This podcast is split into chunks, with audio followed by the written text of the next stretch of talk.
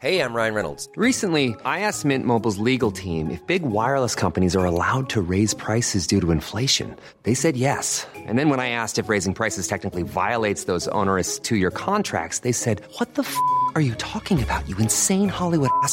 F- So to recap, we're cutting the price of Mint Unlimited from $30 a month to just $15 a month. Give it a try at mintmobile.com slash switch. $45 upfront for three months plus taxes and fees. Promo rate for new customers for limited time. Unlimited more than 40 gigabytes per month. Slows. Full terms at mintmobile.com.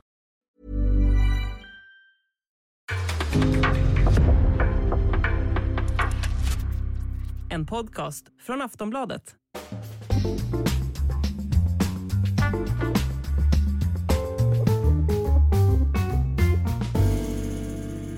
Sportbladets VM-podd. Vi har rivit av kvartsfinalspelet. Fyra matcher eh, färdiga, två semifinaler klara för spel. Eh, vi ska prata om alla fyra såklart. Eh, Frida och Makoto finns med mig denna söndag. Först bara, vilken fantastisk kvartsfinalserie det blev. Ja, helt sanslöst bra, eller alltså spännande, dramatiska alla fyra skulle jag vilja säga ändå man glömde ju bort allt annat kring, den här, eh, kring det här VMet och fokuserade ju enbart på fotbollen för att det gick inte att göra någonting annat eftersom att det var så dramatiskt. Så att, eh, ja, nej, det, det bjöds eh, verkligen på, eh, på mer än vad man hade förväntat sig, så kan man väl säga. Det var ju rätt många möten där man tänkte att ja, men Brasilien, de är, de är redan vid, vidare i stort sett, men nej, så var det absolut inte. Mm. Nej. Eh, vi får också bara eh, nämna och skicka en tanke till vår kollega, eh, amerikanska journalisten Grant Wall, som ju faktiskt gick bort under eh, matchen mellan Nederländerna och Argentina, eller åtminstone eh, på sjukhuset eh, efteråt. Eh, oerhört tragiskt och omtalat. Vi, vi har ganska lite eh, information rörande omständigheterna där, men eh, det är väl någonting som vi kommer prata mer om längre fram såklart. Men eh, vi ska inte prata först om det som hände i fredags, utan vi tänkte vi skulle ta det i någon slags omvänd kronologisk ordning som vi brukar och prata om det som hände senast, nämligen England mot Frankrike, Frida.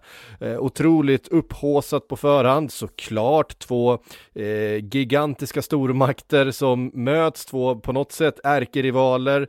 Eh, det var mycket snack om Mbappé, det var mycket snack om Bellingham, om Southgate och så vidare. Och Ja, det blev, ju, det blev ju dramatiskt. Det hade ju alla de där eh, ingredienserna hade vi inte haft sådana galna matcher på fredagen eh, så tror jag vi hade eh, pratat om de här matcherna som, som eh, tidlösa klassiker också. Och det blir de väl eh, med tiden skulle jag tro.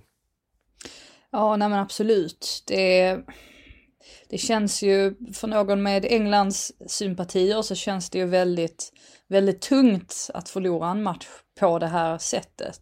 Eh, England är vana vid att det brukar bli straffar som fäller dem, men att Harry Kane skulle missa en, en straff på det sättet som man gör, att han drar den så högt över när han precis då har satt en alldeles fenomenal straff så som han brukar göra det, det känns hårt mot England och det känns hårt mot honom också för att bortsett från den här matchen mot USA så har ju Harry Kane varit väldigt, väldigt bra i den här turneringen.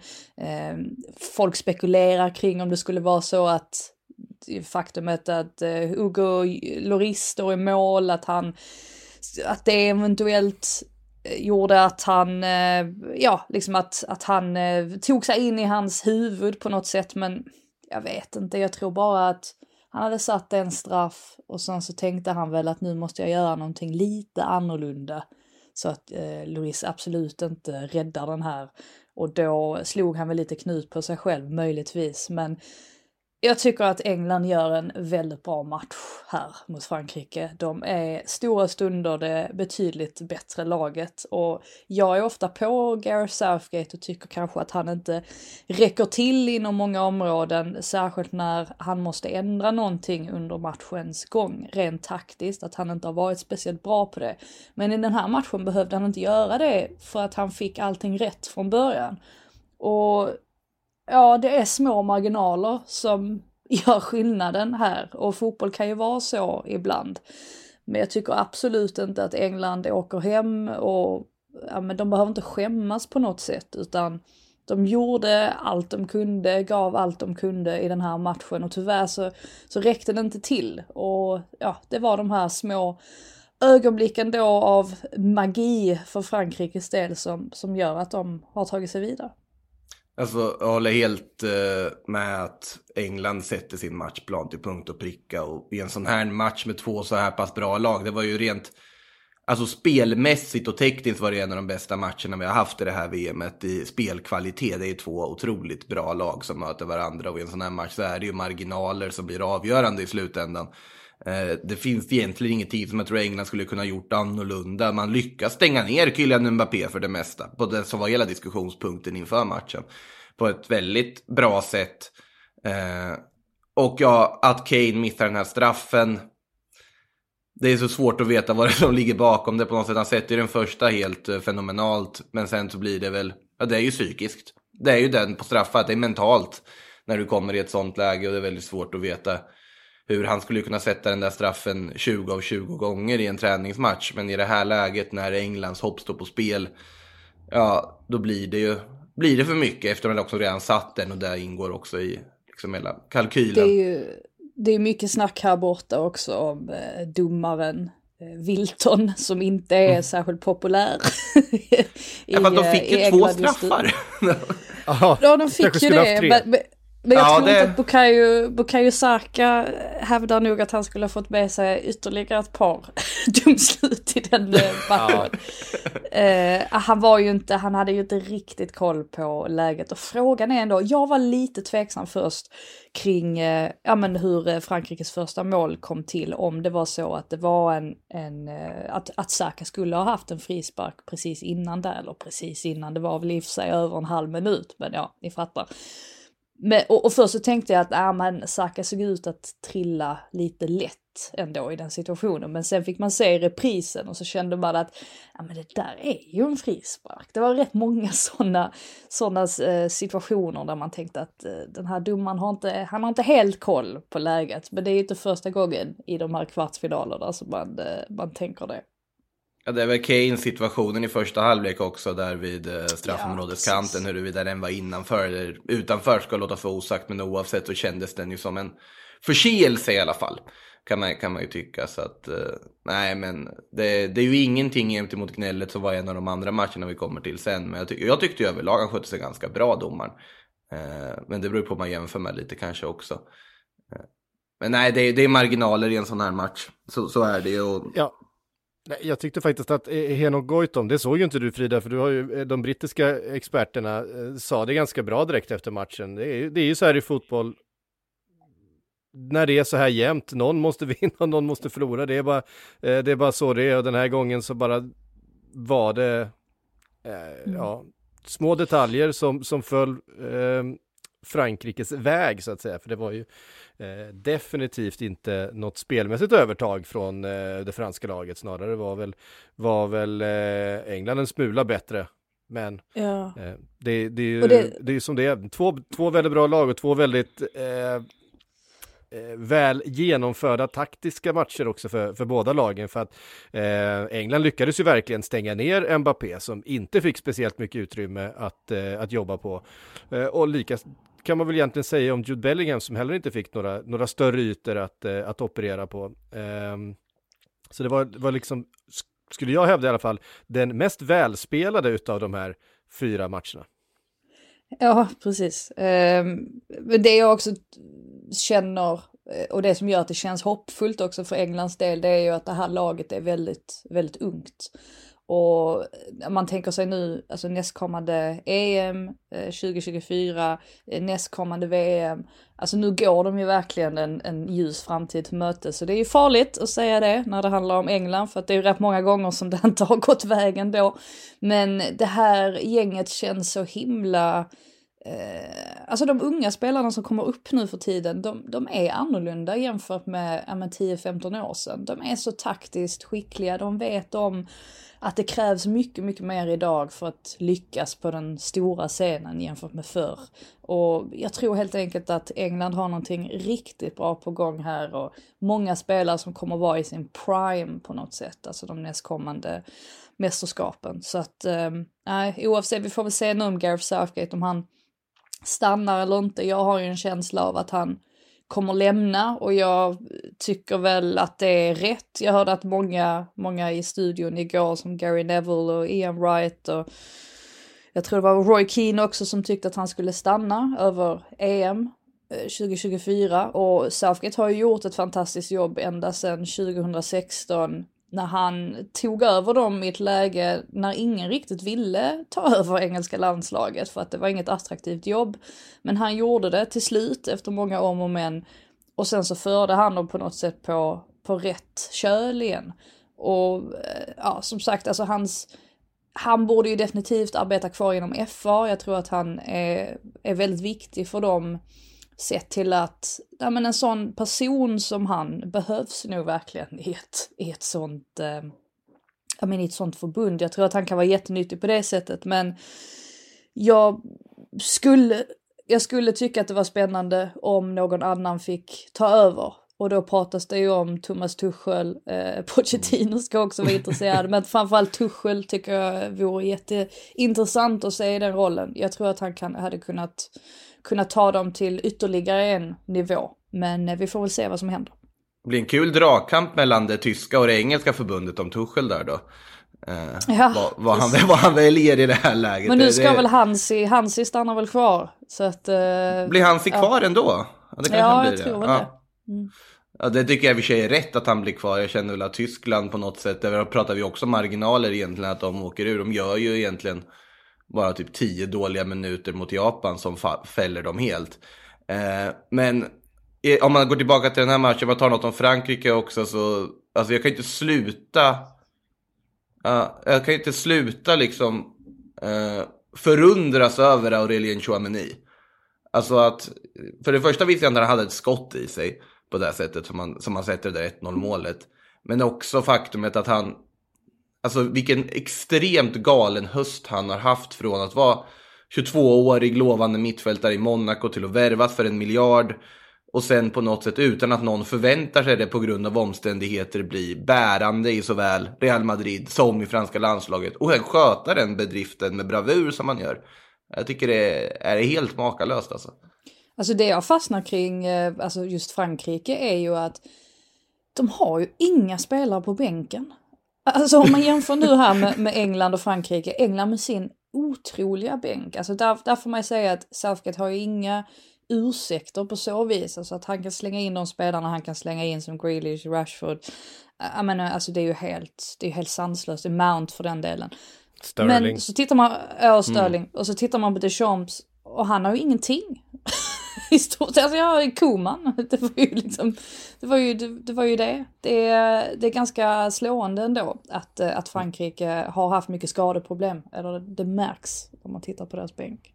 Ja, nu när han har skolat om Kamavinga till vänsterback så kan han ju inte slänga in honom på mittfältet heller. I och för sig har ni si och så vidare. Jag tycker väl ändå det är en ganska, det är ingen namnstark bänk men en bra bänk. Men det säger ändå en del att han bara gör ett byte den här matchen. Att det är mm. de som startar nu som han litar på här framöver. Precis. Ja, det, men det är ett eh, på många sätt fascinerande lag för några av de spelarna som ja, men du var inne på Chouameni, eh, men även Rabiot, det är ju spelare som inte hade startat eh, i det här laget om det hade varit ordinarie uppställning, om, om Pogba och eh, Kanté hade funnits med. Eh, samtidigt så är det väldigt mycket de som, som bär det här laget nu. Jag tycker Rabiot har varit eh, helt eh, fenomenal det här mästerskapet. Ja. Eh, vä väldigt bra här också. Och Chouameni, skotttekniken där, vi var inne på det målet och, och hur han har tagit sig an den här uppgiften. Eh, fantastiskt och, och även i det här, för vi har pratat så oerhört mycket om Mbappé. Han han kommer ju bort i den här matchen. Han får ju väldigt lite boll och han försöker och när han väl får bollen så gör han ju bra saker och man ser ju hur, hur svårstoppad han är. Eh, men där är ju verkligen jag menar kombinationen av, eh, av Stones, Henderson, eh, Kyle Walker, är så rutinerade, Stones och, och, Kyle Walker som känner varandra så bra sen, sen i klubblaget, de vet hur de ska, de vet hur de ska stoppa en spelare. Eh, det var ju uppenbart, jag menar, Kyle Walker brukar vi hylla som en av de absolut snabbaste spelarna eh, i Premier League, men han blev ju, när det väl blev en löpduell så blev han ju ifrånåkt ganska rejält utav Mbappé, även om han hade bollen. Mm. Eh, istället så klev han då in på kropp mycket tidigare, han, han, tog inte den där löpduellen på samma sätt utan han, han tog sig an den uppgiften på, på, på ett mer fysiskt sätt, han klev tidigare in på kropp och så vidare eh, och bromsade upp honom och, och var ju väldigt framgångsrik i det. Ja, han är ju inte helt hel heller. Alltså han har ju precis Nej, kommit tillbaka från skada. Så jag, jag, tyckte faktiskt att det märktes också. Han hade nog varit ännu, han hade kunnat hänga med Mbappé ännu bättre om, om det inte hade varit så att han kanske inte riktigt är 100% i form. Så är det Men, Men ibland, inte... ibland, underskattar ja. vi lite grann och vi, vi, pratar väldigt mycket om hans fysiska attribut när vi pratar om Kyle Walker, men att det är en väldigt smart försvarare också, en väldigt, väldigt rutinerad eh, och, och, och, en duktig eh, försvarande högerback verkligen. Eh, det, är mm. inte bara, det är inte bara snabbhet eh, på honom, utan han, han, han, löste den uppgiften ändå. Men de fick inte bort Griezmann. Alltså, Nej, det fick det, de inte. Han två, har ju varit två assist och... Magisk. Ja, men det går alltså... ju inte, alltså hans, hans roll också som han har, mm. den är ju helt galen. Alltså han är ju, han är ju överallt på planen ja. och jag fattar ju det att han ska på något sätt fylla någon sorts tomrum där på det centrala mittfältet. Men det är rätt svårt att försvara sig mot en sån spelare också som, det är lite som Bernardo Silva, dyker, poppar upp lite, lite här och var. Men det, ja, fantastiskt inlägg där på, eh, på andra mm. målet, det är det ju verkligen. Nej, men det är en sån spelare som, alltså, även när han spelade i Barcelona och det, han fick ganska mycket kritik, rättfärdig kritik, så någonting Griezmann alltid bidrar med på en plan är ju ett extremt hårt jobb. Man kan tro att han är lite smådivig, men det är han ju inte i sättet han agerar på en fotbollsplan. Han är en otroligt osjälvisk, hårt jobbande spelare och i den här rollen som han nu har nästan lite mer defensiv roll som han tvingats ta i och med att du saknar Paul Pogbas Alltså teknik och förmåga att kunna luckra upp försvar från mittfältet så måste ju Griezmann kliva ner ännu mer än vad han kanske gjort i landslaget tidigare. Han har ju varit ja, fenomenal där tycker jag helt och hållet. Och han slog väl något form av assistrekord i franska landslaget här nu och passerade, passerade gamla storheter i det också. Så äh, han är ju kanske en av de allra viktigaste spelarna i, eh, i Deschamps lag och det var han ju även när, när alla var intakta. Mm. Eh, värt att nämna också att eh, Giroud gjorde mål igen. Eh, nu uppe på den där eh, tronen som den mesta målskytten genom tiderna. Eh, och han var ju inte ens speciellt bra.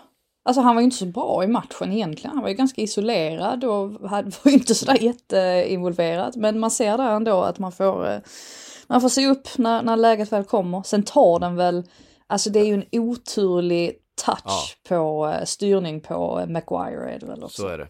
Jag tror inte den hade gått in annars. Jag vet inte. Ja, det hade gått mot mm. andra stolpen, hade den gjort, så det, är, svårt att säga. Eh, mm. Men, eh, men äh, självmål är ju hårt, och, hårt att kalla det, men eh, ja, det, gäller att, det ja. gäller att vinna duellen, var först på bollen i alla fall, och sen vet man aldrig vart den, vart den styr. Det är rätt ofta den där typen av nickdueller studsar mer än, mer än en gång innan den eh, går i mål.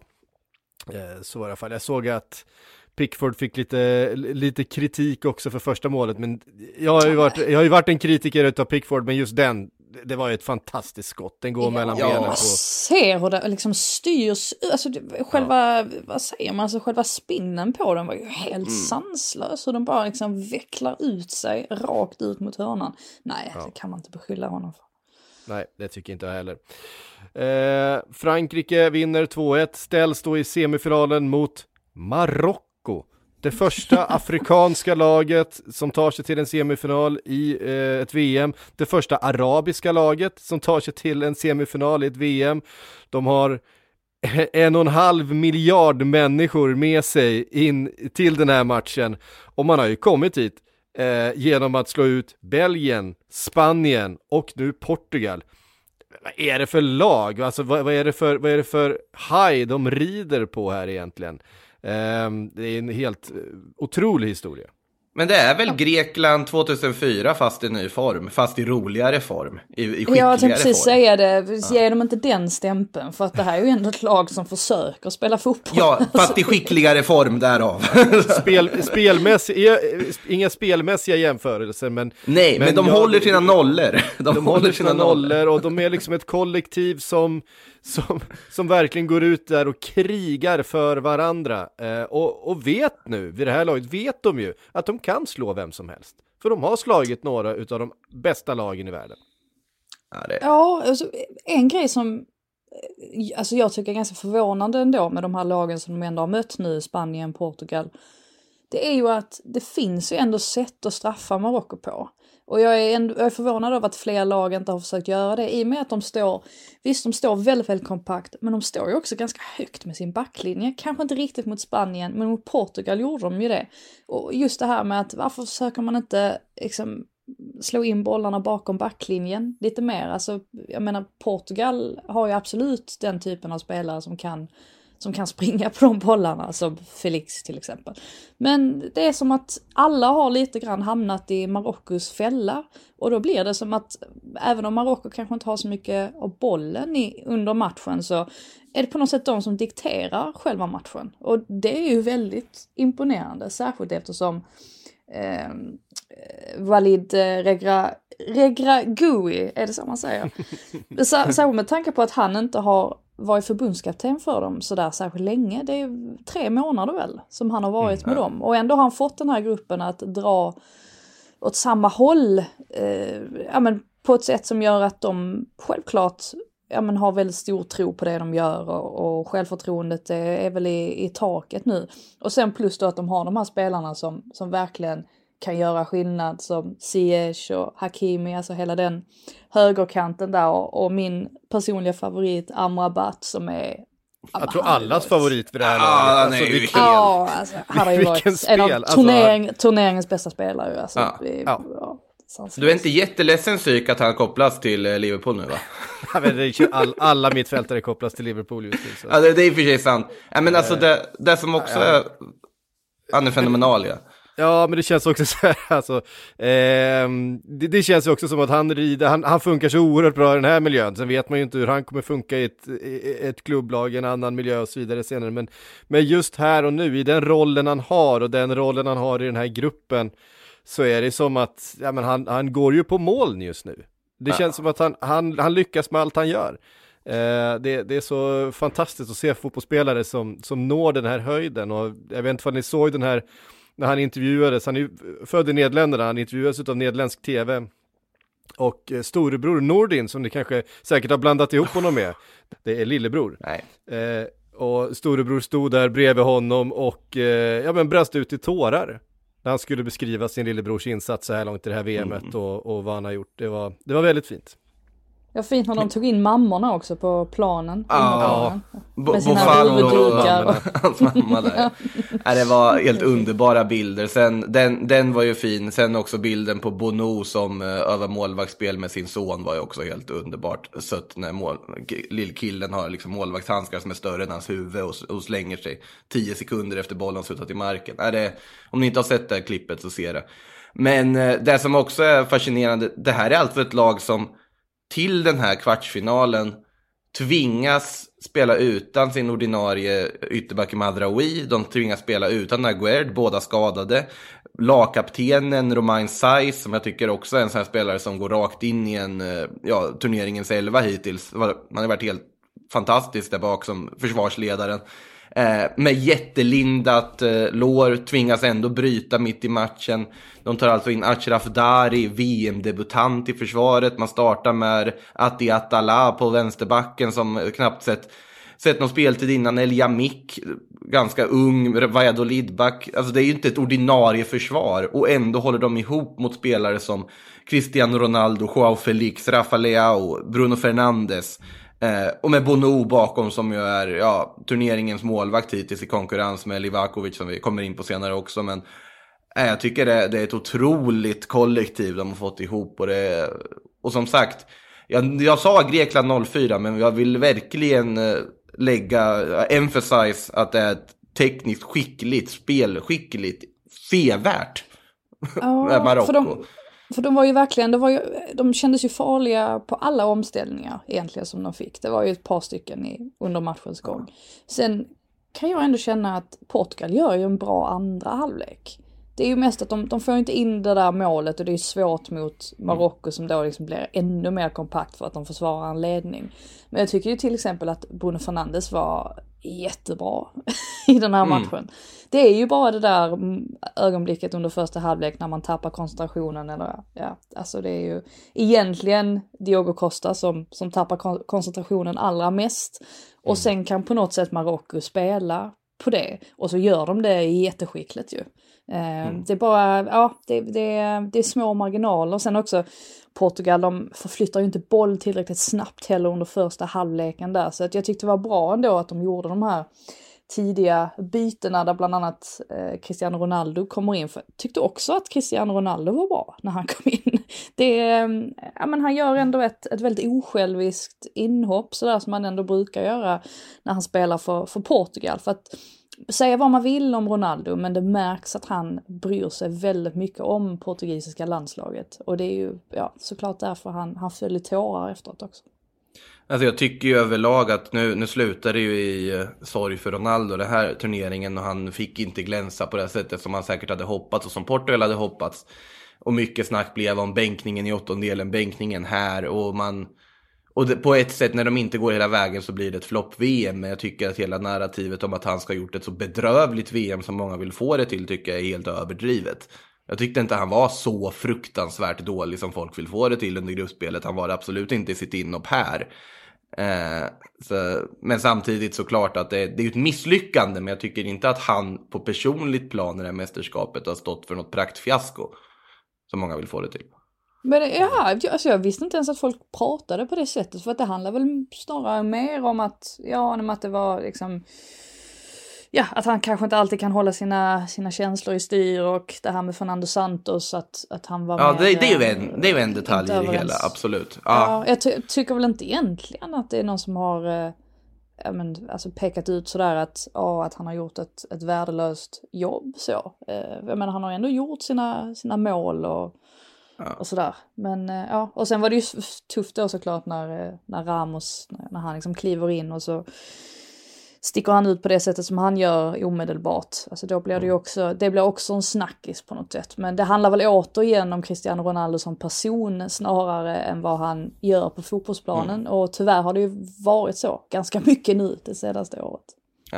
Ja, alltså de senaste, de senaste åren får vi ändå säga. Det är ju, det är ju fotbollens allra, allra största stjärna. Ehm, oavsett vad man, vad man tycker om, eh, om honom, hans spel eller hur bra andra spelare är, så är han, så är han den största fotbollsspelaren. Eh, det, stjärnstatusen är, är större än hos någon annan och då, då är det klart att väldigt mycket av uppmärksamheten, analyserna, eh, vad det nu än är, kommer eh, kretsa runt honom. Eh, och det är han som kommer zoomas in efter slutsignalen, det är hans tårar som kommer delas på sociala medier. Eh, det är en, eh, inte alltid tacksam position att vara i, men en, en, eh, en position som han eh, ju aldrig har eh, tackat nej till i, i andra sammanhang. Eh, vi eh, konstaterar helt enkelt att det blir Frankrike mot eh, Marocko då i semifinal. Den gamla kolonialmakten ja. mot... eh, Paris kommer att brinna. Eh, jag kan tänka mig även ett par städer längs med sydkusten, eh, typ Marseille, eh, där det kommer vara rätt heta känslor eh, runt den här matchen. Och det, det är som sagt inte bara marockaner, det är hela arabvärlden, det är hela Afrika som viftar med den marockanska flaggan just nu. Det, det, det är för så mycket människor, det betyder så otroligt mycket. Eh, och på andra sidan står Frankrike eh, med Mbappé och, och alla de andra. Det blir, det blir Eh, ett spektakel, det kan ni vara säkra på. Vi ska ta en liten paus eh, och få några ord från våra sponsorer. När vi kommer tillbaka så ska vi prata om kanske ja, men en av VM-historiens absolut galnaste matcher. Eh, också den när eh, Brasilien blev utslaget mot eh, Kroatien, eh, som var kanske den näst då eh, galnaste kvartsfinalen vi någonsin har sett. Jag vet inte, eh, helt otroligt. Vi är strax tillbaka. Ja, Sportbladets VM-podd är sponsrat utav Hyper.com och eh, med oss eh, hela vägen har vi Steven Lee Holmdahl. Kvartsfinalerna är avrivna, verkligen. Vilken, eh, vilka tillställningar. Förväntar vi oss samma dramatik i semifinalerna, vad tror du? Ja, nej, men jag tror nog faktiskt att det kan hända någonting liknande nu. Det känns väl som att de här tilldragna matcherna har blivit liksom eh, lite historia nu. Det känns ändå som att många börjar känna att det går att vinna också. De är inte bara rädda för att förlora ändå. Um, så jag hoppas att det kan hända lite grejer. Nej, men jag har riktat in mig på Argentina-Kroatien där. Då. Um, och eh, sammanfattningsvis, jag kan börja med att säga jag kommer spela i eh, Leo Messi målgörare 2.35. Sen kommer jag köra Lauta, Lautaro Martinez sista målgörare till sex gånger pengarna och så kör vi en riktig raket med första målgörare Ivan Perisic och sista målgörare Lautaro Martinez till 83 gånger pengarna. Wow, um, är det riktiga. Ja, nej, men nu måste det hända någonting. Och sen motiveringen på det är väl, eh, Leo Messi kan väl vara lite tråkig att köra. Det, det behöver man inte vara någon eh, inbiten spelexpert för att förstå, men han har ju han har ju levererat, det går liksom inte att säga någonting om det. Han har snittat fem avslut per match. Um, Kroatien har alltså släppt till 15 stora målchanser under den här turneringen. Så de, man får väl säga att de har ridit lite på fru Fortuna och en väldigt duktig målvakt. Eh, men om Messi får någon liten chans så tror jag inte ens att Livakovic står i vägen. Ehm, sen är det väl, Kroatien har väl också lite sådär, det känns som att eh, det kanske är lite slut i tanken. Eh, några gamla nyckelspelare som kanske börjar gå lite på knäna i slutet av matchen. Eh, Lautaro Martinez såg jättepigg och fräsch ut när han kom in senast, så där kan det också vara att får han bara chansen i slutet och mot någon trött mittback så kan det smälla till. Eh, och i Kroatien så tycker jag egentligen bara att det är Ivan Perisic som har liksom genomgående varit något slags hot i offensiven. Han har flest avslut inne i boxen, flest bollkontakter inne i boxen och ändå täcker han fortfarande hela sin vänsterkant. Så otroligt imponerad av honom. Um, så ja, nej, men det får bli så där. Och den där 83-oddsaren tycker jag faktiskt är, den känns ändå inte helt långsökt om sådär, men får hoppas att det smäller till. Ja, det är spännande. Eh, och de här oddsen hittar ni då såklart på hyper.com. Eh, du kommer ihåg att du måste vara 18 år för att spela och är det så att du eller någon du känner spelar lite för mycket så gå in och besök stödlinjen.se.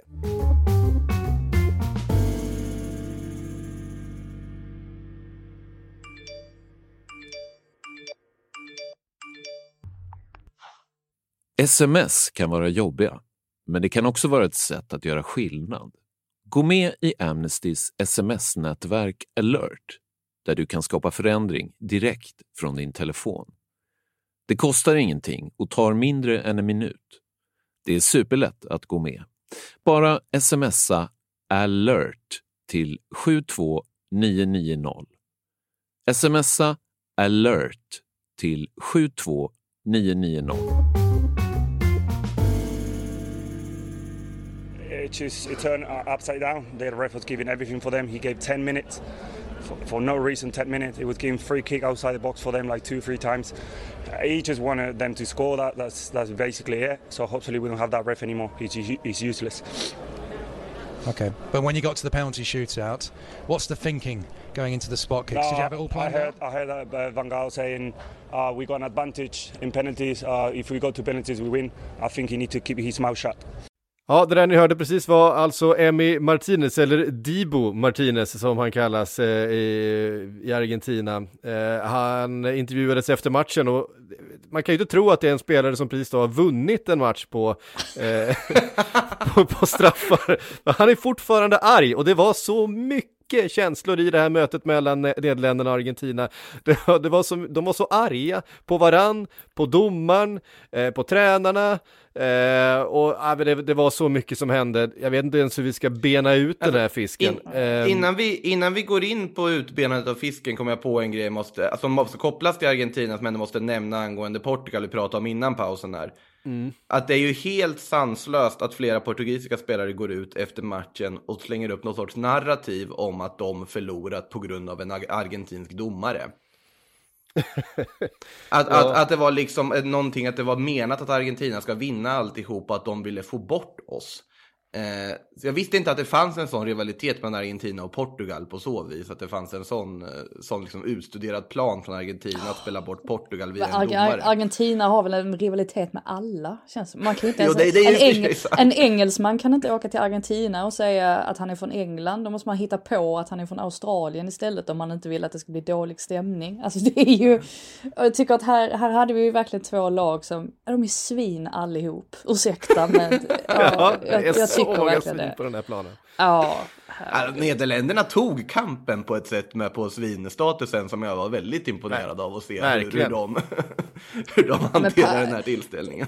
det absolut sjukaste är ju när, eller där man känner att nej, nu, nu, kommer det, nu kommer det bubbla över här. Det är ju när Paredes drar bollen rakt in på den holländska avbytarbänken och man bara känner så här, nej, nu Det var över det. gränsen. Nu, för- ja men för nu mig- händer det tänkte man. Nu, För eh, mig var det där stunden VM började på allvar. Det var just när Paredes sköt den där bollen, då, då gick jag bara rakt ut och tweetade nu började fotbolls-VM. Det här, det här var liksom signalen för att nu, nu drar vi igång. Jag har ju saknat det här under hela Van Dijk sprang ju dit och sänkte honom direkt också med ett välriktat bröst. Också, Eh, också smart att sänka Ja. med ett bröst. För det innebär att du Det kommer inte bli varnad eller få något kort för det. Om man har dragit upp en hand eller något, då ryker han ju. Ja. Men om man sänker Ja, ja, med en bröst, det, det är en annan sak. Jag, jag kan säga jag har aldrig jublat så mycket som när Weghorst när han drar in det där 2-2 målet. Inte för Nej, att jag håller på Nederländerna sådär överdrivet, men just för att man ville ha den extra kryddan i matchen. Ja. För att man Ja, tänkte ja. Argentina, Argentina ska inte få vinna den här matchen på ett enkelt sätt. De ska, de ska få kämpa för det, de förtjänar inte gå vidare på ett enkelt sätt. Nej, och enkelt var det ju jublade inte. också. Jag jublade på Weghorst-målet också. Nej, alltså det, Ja, det, det, det he, helt otroligt. Jag menar, det var ju först så säga, 60 ganska tråkiga fotbollsminuter. Eh, Argentina gjorde det de skulle, de fick in det där första målet, de fick den där straffen, ledde med 2-0. Eh, och en av de roligaste tweetsen är ju, eh, som jag såg, som då också har blivit viral, är Vi jagar matchen och så slänger vi in Wout Weghorst och sen är det liksom en, en en förtvivlad emoji efteråt som att det är som att kasta in handduken. Men in kommer Wout Weghorst som vi har, vi som eh, då pratar mycket Premier League, har känslor för på något sätt. Det är ju en speciell fotbollsspelare. Eh, han är stor som ett hus, han gör alldeles för lite mål. Eh, men, Men- alltså avtrycket han gör i den här matchen, det, för att vi måste prata om den här matchen som, som före och efter Wout Weghorst byttes in. Det, Ja, det- det går inte att prata inte- om det på ett annat sätt. Är är inte det allra mest fascinerande om man tittar på anfallslinjen som Nederländerna startar den här matchen med, alltså Bergwijn och Depay. Och sen så avslutar man med Luke de Jong och Weghorst. Det är ju inte riktigt, det är ju varandras raka motsatser på något Ja, sätt. verkligen. Alltså, då, ja, man, man förstår ju grejen, man, man förstår ju tänket från eh, van Schall, men det är bara lite, det är bara lite kul sådär där, bara, när man jämför. Men och på tal om det här med passningar in bakom backlinjen som vi faktiskt inte har sett sådär jättemycket av under VM så försökte ju i alla fall Nederländerna göra detta. Alltså man försökte hitta fram till Bergwijn som skulle springa in bakom och så. Och vid några tillfällen så lyckades de nästan. Men, men det, det klickade aldrig riktigt. Eller det, de blev ju aldrig så, så målfarliga som när de liksom tog in de där långskånkarna och satte dem längst upp i, och inne i boxen. Alltså det, var, det var ju precis det man behövde mot Argentina. För Argentina är ju inte dåliga i luftrummet på något sätt. Men mot Verkligen dem, då blir man ju automatiskt det. Och det är svårt att matcha sig mot, mot, eh, mot så långa anfallare. Nej men det var ju sagan om de två tornen. Det var ju där det var där framme. Alltså du, du bara hovade in bollar. Men alltså, jag kan inte släppa varianten. Alltså vari varianten i 90 plus 10. Att du, du, du ligger under med 1-2. Känslorna har runnit över för allt och alla. Matteo Lahoss har varnat halva bänkarna. Och så, och så är det liksom frisparksläge, superläge. Du har ganska många bra frisparksfötter i det här Nederländerna som skulle kunna få till någonting härifrån. Det är sista chansen. Man ser Noppert som redan börjat gråta vid liksom eget mål av nervositet. Och så får de för sig att göra den där varianten. Alltså de hade blivit lynchade om de hade misslyckats med den. Om bara muren står kvar och den, ja då hade ju alla undrat vad de håller på med. Och det är Men- ett ögonblick av genialitet bara. Ja, alltså Weghorst har ju, eftersom han hade lyckats med den förr så kände han ja. väl att nu, nu, nu plockar vi fram den. Ja, det var, eh, ja, det påminner ju ändå lite om Thomas Bolin VM 94, men det var ju på något sätt ännu ännu snyggare eftersom att bollen går så himla centralt. Alltså det... Ja. ah, men det är bara, bara, bara det faktumet att man har en spelare som är 1,97 lång eh, och väljer att spela den på fötterna på honom så, i ett så trångt läge, i ett så avgörande mm. läge. Eh, det, det, det, det är ju den ultimata finten. Men ja, det... tror ni inte också, just det här att man, att man lägger en spelare numera bakom muren. I just det här fallet, alltså Ja, han hindrar ju muren från att ja. vända sig om och springa dit. Precis, det går ju inte riktigt. För jag, jag, vet att detta är så intressant också för att för några veckor sedan så, så satt jag i, i Doha och så, så, eh, så var det en journalistkollega som bara sa så här på skoj att varför är det ingen som bara lyfter bollen över muren? För sen kan ju inte försvararna Alltså om, om vi säger att, att, att uh, den personens medspelare är med på att det kommer hända så kan de ju liksom sticka dit och, och förhoppningsvis dra in bollen. Medan försvararna då blir så ställda och så ska de liksom försöka ta sig över sin, sin, uh, sin medspelare då som ligger på marken. Att det eventuellt kan vara någon sorts, uh, ja, att man, man kan använda det på något sätt. Och det gör de ju delvis i det här fallet, tycker jag ändå. För att, ja, jag vet inte, det kanske är att man analyserar det alldeles för djupgående men det känns som att den snubben som ligger på marken där att han, att han på något, är det McAllister kanske? Ja, som, det känns som att han förhindrar på något sätt att de ska kunna få bort den där bollen snabbare. Men ja, vad vet jag. Det, nej och... Nej, det var nej. alltså vilken, var, var, ja, vi ska komma till straffarna här snart också, det är det jag tänker liksom. Och den hade ju alla ingredienser som en straffläggning ska ha också. Alltså om det är någon målvakt man vill ha i en straffläggning på sitt eget lag så är det ju Emi Martinez. Och det är inte bara för att han är väldigt bra på att rädda straffar. Det är för att han är en, ja, kort och gott ett svin under straffläggningar och även annars också. Eh, nej, alltså sättet han psykar och agerar och den här mindgamesen som går mellan spelarna inför varje straff är ju fascinerande att följa. För ja, när Martinez dansar efter sin andra räddning, det var ju inte bara för att han var glad att dansa, han står ju och dansar mot Noppert. Eh, in, till att börja med. Och sen de nederländska spelarna väljer att liksom börja, börja gå kring och psyka alltså argentinska spelare när de ska slå straffar också. Lahos visar ju, alltså, vi skickar ut gula kort under straffläggningen. Ja, Hur alltså, ofta var? Och gudarna ska veta att Emi Martinez är inte Guds bästa barn på något Nej, sätt. Det, det. det, Nej, han, det, uh, han skrek ganska opassande inte... saker mot Fanchal efter de har vunnit också, går och skriker där liksom.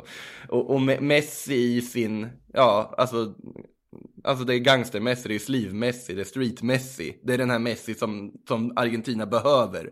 Som blir någon sorts argentinsvin mitt i det här också. Och det, man blir så glad att se Messi på det här sättet tycker jag. Jag, jag, jag tycker att det, Nej, det, det finns någonting det, alltså. Nej, jag, jag, jag blir glad att se honom så här. Det är så ska vara jag, jag blir faktiskt, jag blir faktiskt lite besviken. För jag tycker att om det är någon som ska på något sätt stå över allt det här så, så borde det vara han. Jag vet inte, jag kan tycka att det blir lite...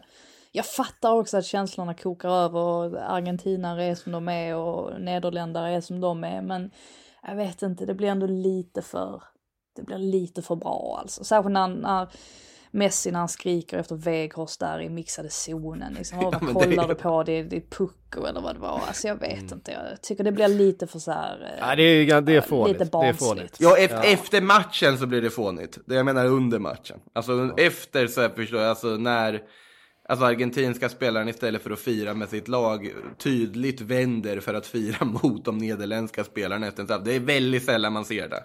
Det är rätt stor eh. skillnad från när Argentina mötte Australien innan när halva laget skulle stå och ta selfies med, eh, med Messi ja. Jag tänkte också. Men Wood ville ju bara gå och skaka hand med Messi. Ja, det var ju jag, bara men, det. Men jag, jag kan säga att jag har plats för båda i mitt liv. Jag, jag, jag har plats för både, bo, både selfiejagande australiensare och, eh, och vansinniga eh, nederländare. Eh, det, det, är liksom, eh, det är fantastiskt. Och sen tycker jag en, en, en, en detalj som det har pratats ganska lite om, men det är ju när Lautaro Martinez, som har varit det här argentinska lagets stora olycksfågel under det här mästerskapet, eh, spelat ur sig själv ur den här startelvan ska slå den avgörande straffen och han ser livrädd ut. Jag var Jag helt säker på att han skulle bränna. Jag var Ja, helt säker på att han skulle bränna. Jag var också helt, men så drar han in den och det är ju en, det är en grym straff. Att han får ihop Mm. det här till slut i det läget. Eh, det, det räddar ju hela hans mästerskap här, att han sätter sin straff i en straffläggning, någonting han såklart ska göra. Den, det, det, var, det var en fantastisk liksom vändning, det kändes som en vändning till i matchen för att där, där trodde jag, alltså han såg så rädd ut, jag trodde att han skulle missa den.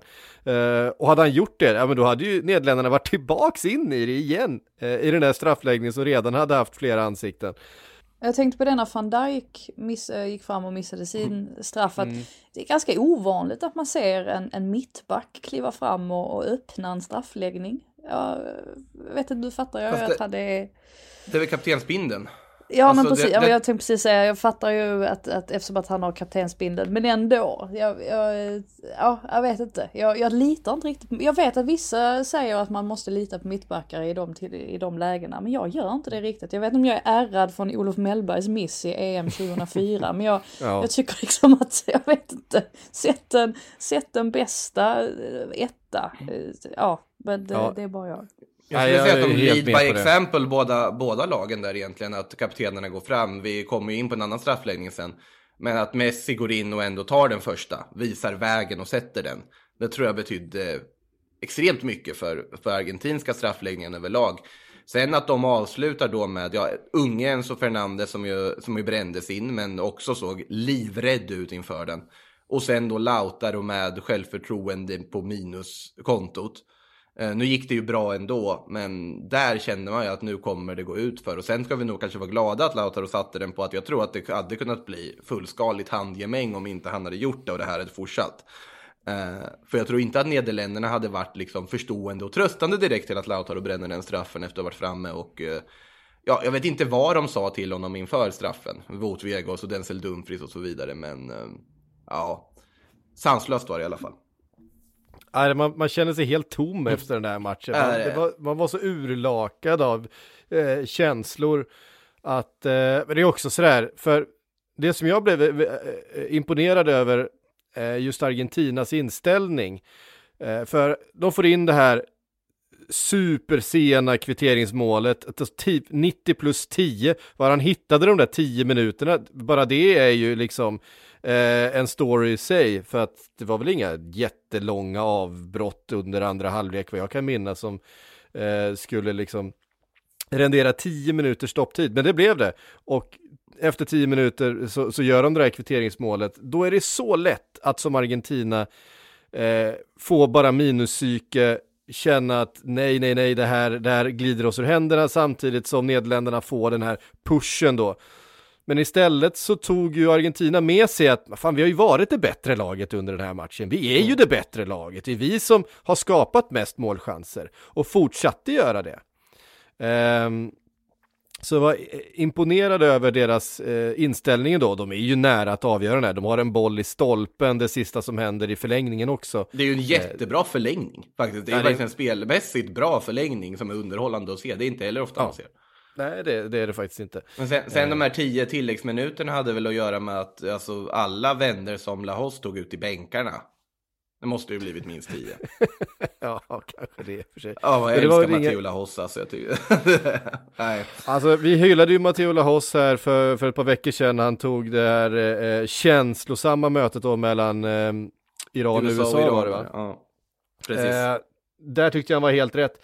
Här däremot så tycker jag att han har en helt tendens. rätt, helt rätt dels- domare på helt rätt plats tycker jag. Även, jag, alltså, jag orkar han, inte se honom faktiskt. nej, alltså han tar, han lägger på en nivå som blir omöjlig att upprätthålla i en match med en sån här intensitet. Eh, han börjar varna spelare, vilket då gör att det blir otroligt inkonsekvent, för han kan inte fortsätta varna spelare liksom hela tiden. Eh, om vi skulle varit konsekventa med den nivån, ja men då skulle eh, liksom Messi haft rött kort, eh, Paredes skulle haft rött kort eh, och så vidare. De, Paredes skulle kanske haft ett rött kort överlag. Jo, men Alltså, jag menar det. Alltså, om, ja.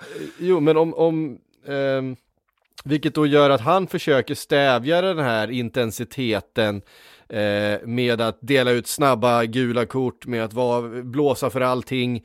Eh, men istället så, så hamnar han själv och matchen på en nivå som aldrig kommer bli korrekt, därför att det går inte att hålla den nivån, för intensiteten han, han, lyckas inte stävja intensiteten, han lyckas inte eh, få ner känslorna, istället så eldar han på dem genom, genom sitt sätt att döma på. Eh, så i det här fallet så tycker jag att eh, Lahos var helt fel domare. Ehm, där, dessutom så har han ju den här kritiken med sig från Spanien, att han är för hej och tjena med spelarna, att han vill gärna eh, prata mycket med spelarna runt matcherna, under matcherna, eh, något som spelarna ibland eh, kritiserar honom för.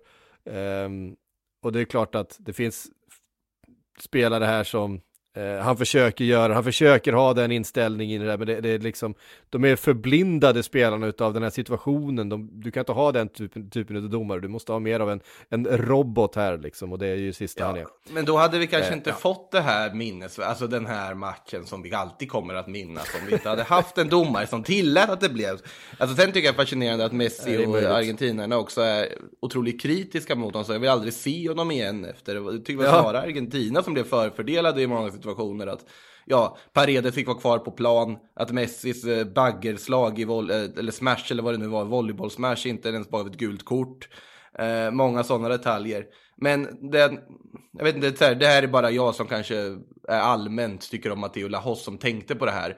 Men det var en situation, första gruffet som kom där uppe i straffområdet någon gång, det var väl när, ja var det Emi Martinez som fick en smäll och så var de och gruffade lite. Mm. Så hade Matteo Lahos jobbade ju väldigt hårt med visselpipan då, men han gjorde det också i takt. Ja, att han ah, var... alltså det, alltså det, var där jag tappade. Det var där, det var där jag tappade och bara kände så här, alltså vilket Alltså det här är ett sånt skämt. På något. Du måste alltså. Taktkänslan Frida, taktkänslan de, de, han har. De, lys, det, de, de, lyssnar inte på dig, tänkte jag. Alltså, det, var, det var någon som beskrev honom som, en, som att han var på ett 90-tals rave. Eh, med den här visselpipan. ja, exakt. Nej, jag, tycker, jag, tycker han, jag hoppas han dömer finalen. Ja. Jag, jag tycker han är helt ja, det, det, det, det, det, går inte. Han, han kommer inte kunna, han kommer inte kunna döma Argentina mer i det här mästerskapet. Så är det ju bara. Nej, det är alltså, det han inte kommer göra. Tyvärr. Ro, roliga, BBCs eh, kommentator, han var, så, han var så trött på honom att han till slut, när han delade ut sitt 51 gula kort så bara sa eh, kommentatorn, ah, jag vet inte ens vad det var för, jag bryr mig inte längre. alltså, det, var, det var den, det var den nivån. Noterade ni att han faktiskt gav ett rött också? Tydligen blev Denzel Dumfries utvisad efter straffläggning. Ja, just det, just det. Fått ett just det. Ja, Nej, men det, det, det, det var väl av, av, av mer akademisk eh, karaktär. Vi har en kvartsfinal ja. till som vi måste prata om. Eh, det är lätt att fastna vid Nederländerna och Argentina för det fanns otroligt ja. mycket grejer. Men, men Brasilien, Kroatien. Eh, vilken, eh, vilket, vilket fiasko för Brasilien, men också det här Kroatien som jag har klagat på, kallat trött, kallat allting. Men de bara tuffar på och Luka Modric eh, Vi måste ju börja prata om Luka Modric som en av de, en av de främsta mittfältarna vi, vi har eh, under hela 2000-talet. Eh, kanske ja, Jag vill sträcka mig längre så skulle jag säga. Alltså, alltså hur, så bra han är igen i den här matchen. Det är som att han, han eh, det liksom finns ingen, eh, det, finns, det finns ingenting som, som eh, på något sätt kan, kan stoppa honom i, i den här typen av eh, sammanhang. Ja, och också alltså hela Kroatien som är en liten fotbollsnation men är ju en ja. av våra största fotbollsnationer sett till vad de mm. har åstadkommit i, i mästerskap de, de, eh, de senaste åren. Alltså det är ju det är helt sanslöst vad de kan få ut mycket av av så lite, höll jag på att säga. Nu har de ju liksom miljoner sina... invånare mot Brasiliens ja. 200 miljoner invånare. Ja, det är helt, eh, det är helt otroligt. Jag var ju... Jag vet jag, jag sitter med lite, eller jag satt med splittrade känslor efter den här matchen för att Kroatien gör det väldigt bra och de, de gör ju sin bästa match i turneringen också. Vi har sett dem i ett gäng matcher där de kanske inte riktigt har kommit upp i nivå och kanske haft lite, lite mm. flyt som mot Japan där de liksom tar sig vidare efter att japanerna har gjort en, en usel straffläggning. Och de känner ju själva också att straffar är deras grej såklart med tanke på, på historiken. Men de har inte sådär jättemycket att komma med egentligen. Alltså de är ju faktiskt ganska uddlösa framåt. Så att faktumet att de får in det där 1-1 målet, eh, alltså det är ju som en, det är som en ren saga. Jag trodde ju verkligen att Neymar, som ju faktiskt var ganska osynlig, inte osynlig, men han gjorde ingen bra match. Eller det var hans sämsta, sämsta insats så här långt under VM i alla fall. Men när han får till det här ögonblicket av magi som ju han kan få till då tänker man att, ja okej, okay, ja men nu har historien skrivit sig, det är så det ska sluta med att Neymar gör det där fantastiska målet som vi kommer komma ihåg i all oändlighet. Men nej, så kommer det här 1-1 målet av Petkovic. Och där kan vi också prata om att, ja varför, varför, eh, eh, ja men varför var det inte fler eh, brasilianska försvarare som eh, ja, eller varför, varför försvarade sig inte Brasilien bättre och, och sådär. Men jag vet inte, det är någonting med Kroatien och det här med att de på något sätt aldrig ger upp heller. Ja, eh, ja, det, det är oerhört imponerande.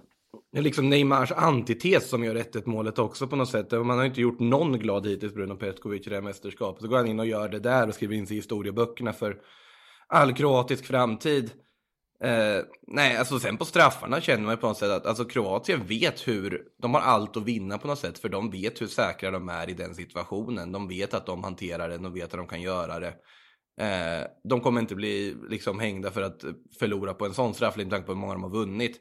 Medan Brasilien är i en situation där ett hel nationshopp, ett helt sargad nationshopp ligger på deras axlar och såklart att det är Nej, det blir omöjligt för dem att hantera i det här läget. Eh, varför, varför skickar de fram Rodrigo på första straffen? Ja, det är en väldigt bra inte. fråga. Det är en väldigt bra fråga, tycker jag också. Det är lätt att sitta här i efterhand och säga, de skickade ju fram eh, oprövade Pedro från eh, Flamengo på en straff också. Han satte ju sin alldeles briljant. Eh, så att det där är, det är så svårt att veta från person till person. Jag, jag reagerade personligen på att man tog ut Vinicius så tidigt som man gjorde i den här matchen när det ändå var ett lika läge. En spelare som bara på, på en sekund kan förändra en match bara på, med sin ja. kvalitet. Eh, att ta in Rodrigo där, att deras samarbete också är ju fantastiskt. Att man inte vill utnyttja dem samtidigt på planen reagerade jag på. Eh, och Vinic det... Vinicius var ju ganska bra också i matchen. Alltså han var ju en ja. av dem som faktiskt ändå, ja, ändå utmärkte sig på ett positivt sätt. Så jag, jag håller med, jag blir också förvånad. Ja. Men det. det är ju också, sen, ja. Men, jag, men sen, också... sen, vill jag ju, sen vill jag ju skylla på Fred också. Eh, kring målet. jag är ju inte, jag är inget fan av Fred, jag fattar inte riktigt grejen med honom. Och jag tycker faktiskt att om man tittar på, det, på eh, Kroatiens 1-1 mål där, då är det ju faktiskt Fred som ger sig ut på någon sorts obegriplig, ja, men han, han tar löpningen framåt istället, istället för att ja, man kanske se till att täcka, täcka det området han ska, han ska täcka. Det är ganska hårt att ge honom hela skulden för att det målet kommer till. Men jag tycker faktiskt att det är en ingrediens i det här.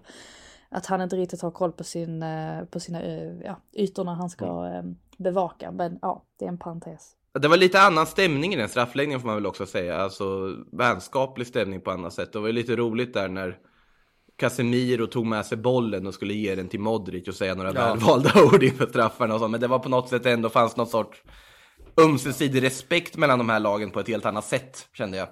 Ja, men det är alltså två spelare som har vunnit så All, otroligt ja. mycket tillsammans eh, mm. flera gånger om. Så att eh, det är klart att det, det, det, det, finns så väldigt mycket historia där. Men det finns andra spelare i Kroatien också. Vi pratar ju väldigt mycket Modric såklart. Han är ju det här lagets, alltså bästa spelaren i det här landets bästa spelare genom alla tider eh, med, med Roger. Vi ska prata om honom i samma andetag egentligen som vi pratar om Messi i Argentina, Ronaldo i, i Portugal eh, och så vidare. Mm. Det, Modric är en av de absolut bästa fotbollsspelarna vi har eh, sett under de senaste 30 åren. Eh, och han har lett det här Kroatien under de senaste åren till helt fantastiska framgångar. Men jag vill också lyfta Eh, Livakovic i, i målet, eh, Pasalic eh, är jätte, jättebra och så Guardiol. Eh, Guardiol är ju, alltså som, vilken som, äh, fenomenal mittback det är alltså. Ja, Nej, som, tycker... Alltså han spelar, han spelar ju på så hög nivå nu så att eh, det, det, det är inget snack om att han ska in i det här eh, världslaget efter VM. Eh, mm. det, det bara är så. Han är ju, alltså förstå hur Leipzig sitter och njuter just nu. Av att se honom göra det här på den här scenen. För de vet hur ofantligt mycket pengar de kan kräva för honom. Och hur ofantligt många toppklubbar kommer vilja köpa honom. Eh, med tanke på vad han gör i det här VMet och då pratar vi om spelare som var väldigt hypad inför VMet och innan det också. Sett till vad han har gjort i klubblaget. Han är bara 20 år gammal, spelar som, ja, vilken, som en av världens bästa mittbackar just nu. Eh, och är en jättestor del till att Kroatien har lyckats med det de har gjort hittills. Så att, nej, den är... Det, det är en otroligt fin mix de har fått ihop. Man var ju lite orolig här att den äldre gardet, att de har börjat dala lite, att du inte har riktigt samma kvalitet som du hade i gänget som tog sig till final för fyra år sedan. Det tycker jag fortfarande inte att man har. Men du har ju också fått in en mix när du har lite yngre spelare som Guardiol, Sosa till exempel, Pasa liksom du nämnde. Eh, ja, vad heter han? Eh, Mayer Majer som kommer in också, som jag tycker har gjort jättebra inhopp rakt igenom den här turne turneringen. Eh, du har ändå fått ihop en ganska bra mix samtidigt som de äldre som Modric och Perisic och så vidare fortfarande håller måttet. De håller och leder det här laget på ett sätt som, eh, jag det kan gå. Det är absolut inte otänkbart att de tar sig till en final igen, att de tar sig förbi Argentina också. Men eh, det blir väldigt spännande i alla fall att se dem i semin här. Ja, kommer, det finns ju ingen som någonsin kommer räkna ut det här. Mm. Eh, Kroatien i alla fall i något sammanhang och Kroatien, Argentina. Eh, det kan bli lite, lite känslor där också kan jag tänka mig. Kroatien är inte ett lag som, som, som håller igen om det eh, börjar bufflas lite. Men det kan ju inte finnas någon som, om det nu blir så att Frankrike och Kroatien möts i en VM-final igen, det kan ju inte finnas någon som hade trott det på förhand. Nej, nej, nej, nej, nej, nej. det fanns inte på kart. Jag tippar ju ut dem i gruppspel, Kroatien. Ja. men jag, jag tippade i och för sig vidare i Marocko då, men jag hade väl inte förväntat mig att Belgien skulle ja, kollapsa som de gjorde. Uh, men nej, det, de har ju överträffat alla former av förväntningar, det råder ingen tvekan om det. Och sen på något sätt. Vissa bara, ja men de går bara vidare på straffar. Ja men de tar sig till de här kryssen och de har den känslan väl när de är i straffläggningen. Det är inte som att du, du bara tar dig till straffar. Det är inte som att de bara backar hem och stänger matcher heller. Utan de spelar jämt med ett lag som Brasilien. Och det tycker jag säger ganska mycket om kvaliteten i den här truppen. Ja, nej, helt, eh, helt eh, sanslöst verkligen. Vi eh, eh tackar då Chiche för eh, lång och trogen tjänst. Han har varit ett tag i, i Brasilien nu. Eh, han kastade in sin avskedsansökan ganska strax efter slutsignal. Eh, vi fått en fråga från Nisse på Twitter. Han vill gärna höra vad vi ser för ersättare potentiellt till, ja, eh, Fanchal vet vi ju. Eh, det är Koman som kommer ta över där, men till eh, Chiche och även Southgate om han nu lämnar. Vi var inne lite grann på, eh, på Tuchel och så vidare. Mm. Luis Enrique i Spanien ska ersättas. Har fått en ersättare. Ja, precis. Han har väl fått, han fått en ersättare. Mm. Luis ja. de la Fuente. Ah. De tog det tråkigaste alternativet och kunde hitta. De plockade upp U21-tränaren. Eh, vi får väl se vad det blir. Det fanns lite andra namn som hade varit väldigt kul att se i en förbundskaptenspost i Spanien. Men nu blev det Luis de la Fuentes istället. Han har gjort det bra med U21 så vi får se vad, vad han kan göra med A-landslaget om det blir någon skillnad. Mm. Ja, sen i Brasilien så, alltså det, det finns ingen rak eh, ersättare, sådär, eller rak, det finns ingen klar ersättare, men det har väl snackats lite om Abel Ferreira, eh, portugis, eh, pratas lite om Dorival Junior, eh, som eh, ja, har, har, tränat lite av varje i, eh, i Brasilien och sådär. Så att, eh, men det är ingen, ingen sådär som, ja, som, som man känner att, ja men han är han kommer absolut ta över utan det är fortfarande ganska öppet eh, kring det hela. Vad gör Scolari nu för tiden? Kör en vända till. Nej men alltså jag tycker... Alltså, Scolari. Herregud. Men eh, vad heter det? Jag tycker... Eh, jag tycker ändå så här, vet du, även om man är så här glad för vad Kroatien åstadkommer så är det ändå lite sorgset tycker jag att Brasilien checkar ut i det här stadiet. Det var ett lag man ändå velat se vad de hade kunnat åstadkomma kanske, ja man hade ju velat se Brasilien-Argentina givetvis som, som match också, men att det här Brasilien tyckte jag ändå hade, hade redskapen på plats för att faktiskt kunna nå det där guldet som de, som de har trånat efter, som de har väntat på. Men nu har de fortfarande inte besegrat ett europeiskt lag i en VM-utslagsmatch sedan 2000, år 2002. Så att... Eh, Nej. Nej, jag, jag, jag, tyvärr, jag, jag kommer vara lite tråkigare att säga, men det, de, de måste göra en specifik sak om de ska vinna det där VM-guldet eh, nästa gång. Då måste de anställa Mourinho. Mourinho i, Brasilien? I Bra Jajamän. Nej, nej, I nej, det här nej, brasilianska nej, nej, nej, landslaget. Nej, nej, nej. nej, de måste, nej, nej, de nej. måste, Jag trodde, de har, jag, jag, trodde du skulle, jag trodde du skulle köra en Roy Keane och säga att de, skulle, de borde sluta dansa. Nej, Då, ja, då, men hade alltså, jag, då hade jag då- klickat, klickat samtalet där och gått härifrån.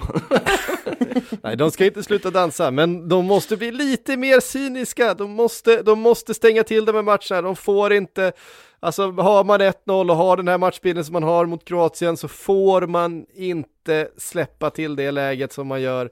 Eh, Det måste vara lite mer noggrannhet i, i försvarsspelet. Eh, det- om, man ska kunna, om man ska kunna vinna, vinna eh, turneringar på det här sättet så måste det vara lite mer noggrannhet i försvaret. Det fanns en tid då man kunde dansa sig igenom en hel turnering. Det går inte längre för att det, det är för många bra lag där ute, för många taktiskt eh, drillade lag som även om de har sämre spelare kan, kan eh, utnyttja ytorna som uppstår om du inte tar jobbet. Alltså Så jag att, tycker eh, ändå den analysen blir ganska orättvis på. Alltså om det är någonting som Chichi lyckades göra så var det ju att bygga faktiskt ett lag som har den här dansande, alltså samba-ådran, det offensiva skönspelet, men också är kontrollerade, organiserade och funkar defensivt. Det är ju det om något han har lyckats bygga ihop tycker jag, som vi har sett en lagmaskin snarare än ett Brasilien som bara, bara kör och inte har någonting bakåt. De har ju byggt ihop en lagmaskin. Det är spelare som är valda för, för att de passar in i rollerna och funkar. Det är därför han har startat en spelare som Fred i landslaget. För att han har velat ha den här balansen. Det är därför han spelar en spelare som Richarlison på topp istället för Gabriel Jesus. För att han vill ha den hårt jobbande anfallaren på ett annat sätt. Så att jag, jag tycker nog ändå att det har han haft. Eh, jag tycker du ska hitta en förbundskapten i samma mall. Utan tvekan. Men sen vem det skulle vara, jag tycker inte Mourinho i alla fall. Mourinho är kan- garanterat VM-guld om fyra år. Jag säger det nu. Ja, nej, jag är Nej, ni behöver inte hålla alltså. med. Det, det, det, det Nej. behövs verkligen inte. Ja, jag har i alla fall eh, Kroatien mot Argentina i eh, semifinal. Vi är eh, tillbaks då från Sportbladets VM-podd. Eh, efter den, vi kommer göra ett avsnitt om varje semifinal då, så det blir ett avsnitt på onsdag och ett på torsdag helt enkelt. Och sen så eh, lägger vi upp då inför final om eh, ganska precis en vecka då från idag. Men ja, vi, vi försöker, vi försöker då samla oss efter den här eh, fantastiska kvartsfinalserien eh, och så hörs vi om några dagar igen och då ska vi prata eh, vilka är det som är först egentligen? Nu Det är väl. Argentina, Kroatien, annars har de gjort någonting fel i spelschemat. Argentina, Argentina, Kroatien såklart då. Eh, på tisdag så hörs vi på onsdag igen. Tack för oss.